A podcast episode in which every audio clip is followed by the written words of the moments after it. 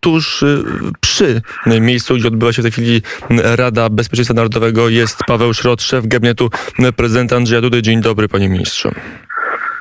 Szanowny panie redaktorze, szanowni słuchacze, dzień dobry. Dopiero co raport z Kijowa, tam cały czas słuchać wystrzały, chociaż życie jeszcze nie jest całkiem zdestabilizowane, jest prąd, jest internet, są sklepy w miarę zaopatrzone, o tym państwa regularnie informujemy, jak wygląda sytuacja na Ukrainie, a jak wygląda sytuacja w Pałacu Prezydenckim, wystąpienie pana prezydenta przed rozpoczęciem Rady Bezpieczeństwa, takie już dramatyczne, w zasadzie można powiedzieć, że wystąpienie to trochę w duchu wojennym, że jeżeli nie chcemy wojny, musimy się na nią gotować bardzo poważnie. Jakie są informacje, jakie są analizy co do bezpieczeństwa Polski, którym, którym dysponuje Pałac Prezydencki? Panie redaktorze, przede wszystkim Polska nie prowadzi wojny. Polska nie jest bezpośrednio zagrożona. Atak, który Rosja przeprowadza na terytorium naszego sąsiada nie dotyczy Polski, co nie znaczy, że y, po pierwsze nie powinniśmy poważnie traktować tej sytuacji, bardzo poważnie, a po drugie nie powinniśmy udzielać wszelkiego wsparcia naszemu zaprzyjaźnionemu sąsiadowi. Polska popiera Ukrainę i, i, i stanowisko do y, działań, które w terenie, czyli po prostu agresji. Bo, y, niszczenia mienia i zabijania ludzi, trzeba to nazwać w swoim imieniu, jest absolutnie negatywne. E, pytanie, jakiego wsparcia Polska i Zachód może udzielić? E, mówiono chociażby o, o myśliwcach, to się nie potwierdziło. Gdzie jest ta granica dla Pałacu Prezydenckiego? Bo prezydent mówił, że sytuacja jest dynamiczna i wiele rzeczy się zmienia. Sytuacja jest bardzo dynamiczna. Oczywiście udzielamy pomocy przede wszystkim charytatywnej, y, żywne środki medyczne, Y, udzielaliśmy tej też pomocy, która miała wesprzeć obronę ukraińską, to wiadomo. Nie, Polska nie jest jedynym y, krajem, który takiej pomocy udziela i będziemy dalej tej pomocy udzielać. Jesteśmy wszyscy pod wrażeniem, przede wszystkim pan prezydent, determinacji i zdecydowania, z jaką Ukraińcy bronią swojej ojczyzny i swojej wolności. To jest coś zupełnie nadzwyczajnego i to oczywiście przejdzie już do legendy ludzi w tego pierwszego wieku. Mm, ale ta wojna nie tylko nas dotyczy dlatego, bo mm, są uchodźcy, się dzieje tuż obok nas, ale dlatego, że jest z naszym bezpieczeństwem bezpośrednio powiązana. Tak przynajmniej mm, mówił prezydent Andrzej Duda, cytując wystąpienie z Tbilisi e, z roku 2008 prezydenta Lecha Kaczyńskiego, że jest e, pewna kolejność napaści w planie Rosji, że my jesteśmy w tej kolejce ustawieni przez Władimira Putina i przez Kreml. E, stąd no, nasze patrzenie na, ten, na ten konflikt powinno być co nieco inne niż tylko pomoc humanitarna. Tak, oczywiście, panie redaktorze, ale też przypominam, że Polska nie jest sama w tym e, miejscu Europy w, w, dzisiejszej chwili. Polska jest członkiem potężnego sojuszu.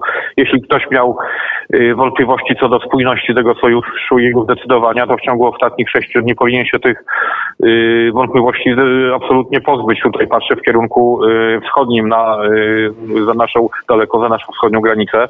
Jeśli ktoś miał takie wątpliwości, nie powinien ich już mieć.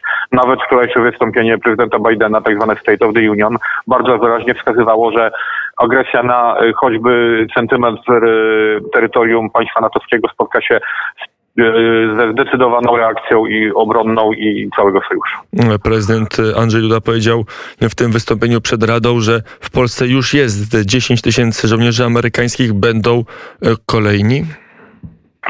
Panie redaktorze, y, nie będę udzielał y, y, ani nawet bym wiedział, nie udzielałbym takich informacji w tym momencie, a też nie chcę spekulować na ten temat. Im więcej żołnierzy amerykańskich w Polsce, tym lepiej.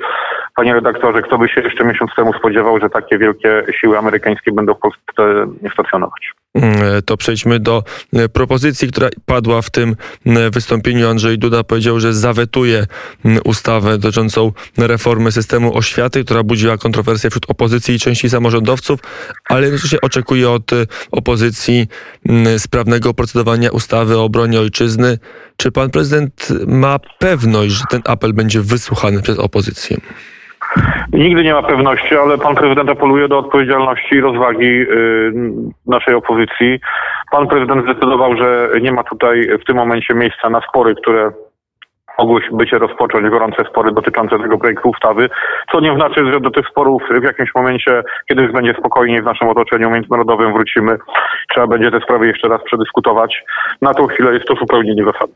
E, jakiej, w jakim, czego oczekuje od opozycji pan prezydent właściwie? Co teraz zdaniem Pałacu opozycja powinna zrobić w kontekście tej ustawy i nie tylko tej ustawy? Odpowiedź jest prosta. Opozycja powinna w zakresie bezpieczeństwa Polski i y, kryzysu bezpieczeństwa w naszym regionie i w Europie i na świecie po prostu powinna wspierać rząd. Oczywiście nikt nie oczekuje, że to będzie trwało zawsze i wsparcie to będzie bezkrytyczne, ale w takiej sytuacji, ja tylko przypomnę, w 2014 roku, kiedy mieliśmy do czynienia z aneksją Krymu przez Rosję, z utworzeniem tzw. Tak republik ludowych w Donbasie, wtedy pan y, prezes Jarosław Kaczyński, lider środowiska, z którego wywodzi się zarówno pan prezydent, jak i ja, wyszedł na trybunę w Sejmie i powiedział, popieramy wobec tego kryzysu, popieramy rząd. Mm, i że teraz będzie ponowna deklaracja. Mm, jak szybko pan prezydent oczekuje, że będzie przyjęta ustawa o obronie ojczyzny i czy ona nie powinna być jeszcze szersza? Czy nie powinniśmy się zbroić jeszcze szybciej niż to e, jest zawarte w zapisach tejże ustawy? Panie redaktorze, się, powinniśmy się zbroić jak najszybciej, jak najbardziej, y, a pan prezydent oczekuje od Sejmu, że zostanie ona przyjęta y, właściwie y, z marszu, więc będziemy śledzić proces parlamentarny. Z tego co wiem, partie opozycyjne zadeklarowały, że tę ustawę poprą i nie będą przedłużać pracy. Dzień dobry panie ministrze. Prezydent też powiedział o tym, że ataki medialne, ale ataki będą się intensyfikowały, intensyfikowały w ciągu najbliższych dni. Co miał na myśli? Ataki medialne, pan prezydent powiedział. Jeśli chodzi o ataki medialne, ja tylko przypominam, że one nie dotyczą wyłącznie Polski, ale też e, w tym momencie może nawet przede wszystkim Ukrainy. Chodzi o rzekome, e, e, o zarzuty o rzekome traktowanie osób o innym kolorze skóry podczas tej ewakuacji. To się niestety powtarza.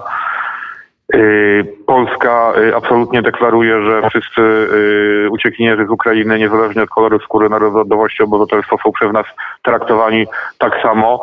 Jeśli chodzi o Ukrainę, to proszę też pamiętać, że te państwo walczy w tym momencie o życie. Jeśli zdarza się tam jakiś rodzaj bałaganu, to y, ostatnimi powinniśmy być, którzy będą to Ukraińcom wytykać, czy y, ich za to krytykować. Były informacje o to, dopytują się dziennikarze o samoloty, które miałyby startować z lotnisk polskich. Prezydent to zdementował, premier to zdementował, pan minister to dementi potwierdza? Tak, oczywiście y, potwierdzam to dementi. Polska nie prowadzi działań zbrojnych. Polska oczywiście wspiera naszego y, zaatakowanego sąsiada. Polska y, jest zdecydowanie przeciwko rosyjskiej agresji, ale to nie oznacza, że będziemy w tej sprawie działać militarnie. Panie ministrze, a to w takim wypadku co zrobić, jeżeli ta wojna się będzie się przedłużać? Mamy użycie bomb kasetowych, mamy prawdopodobnie użycie e, bomb termobarycznych, bomb próżniowych, inaczej nazywanych. To wszystko jest łamanie kolejnych konwencji, to wszystko są zbrodnie wojenne. Czy Zachód będzie się e, przypatrywał trochę założonymi e, rękami tej wojnie i tym zbrodniom, jakie się dzieją na Ukrainie? Panie redaktorze, Zachód nie przepracuje się z założonymi rękami, jeśli powtarzam, jeśli ktoś miał wątpliwości co do reakcji Zachodu, a tak miał wątpliwości można było mieć jeszcze dwa tygodnie temu. Tak myślę, że w kalkulacjach Kremla yy, taka, yy, takie założenie było czynione, że yy, po pierwsze reakcja Zachodu nie będzie zbyt radykalna, po drugie nie będzie jednolita.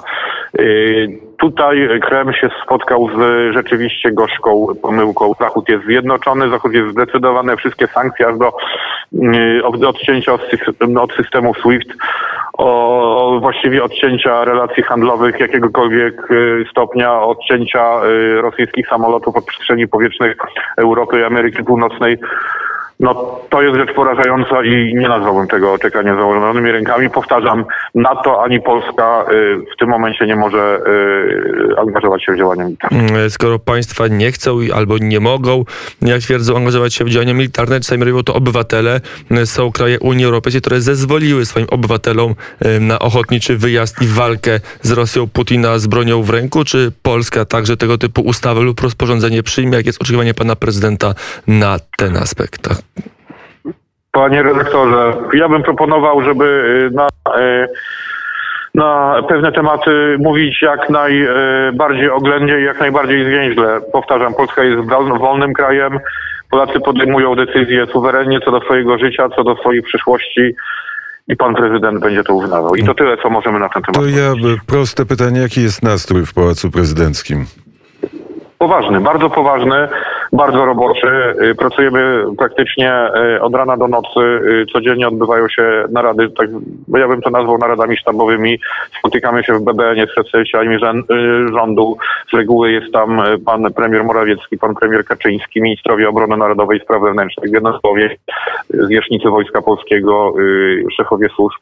Analizujemy z dnia na dzień sytuację, z którą boryka się nasz wschodni sąsiad.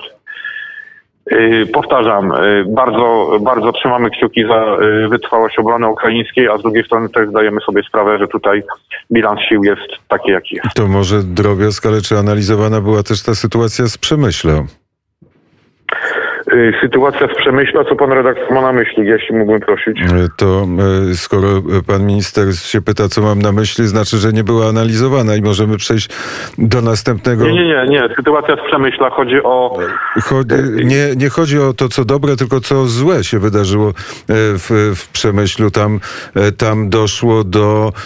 No, tam przedostali się na teren Rzeczpospolitej nie ci, którzy uchodzą przed wojną z, z Ukrainą, ale najprawdopodobniej ci, co chcieli przekroczyć kiedyś polsko-białoruską granicę i stworzyli zagrożenie tym dla, ży, sensie. dla tak, życia. Oczywiście.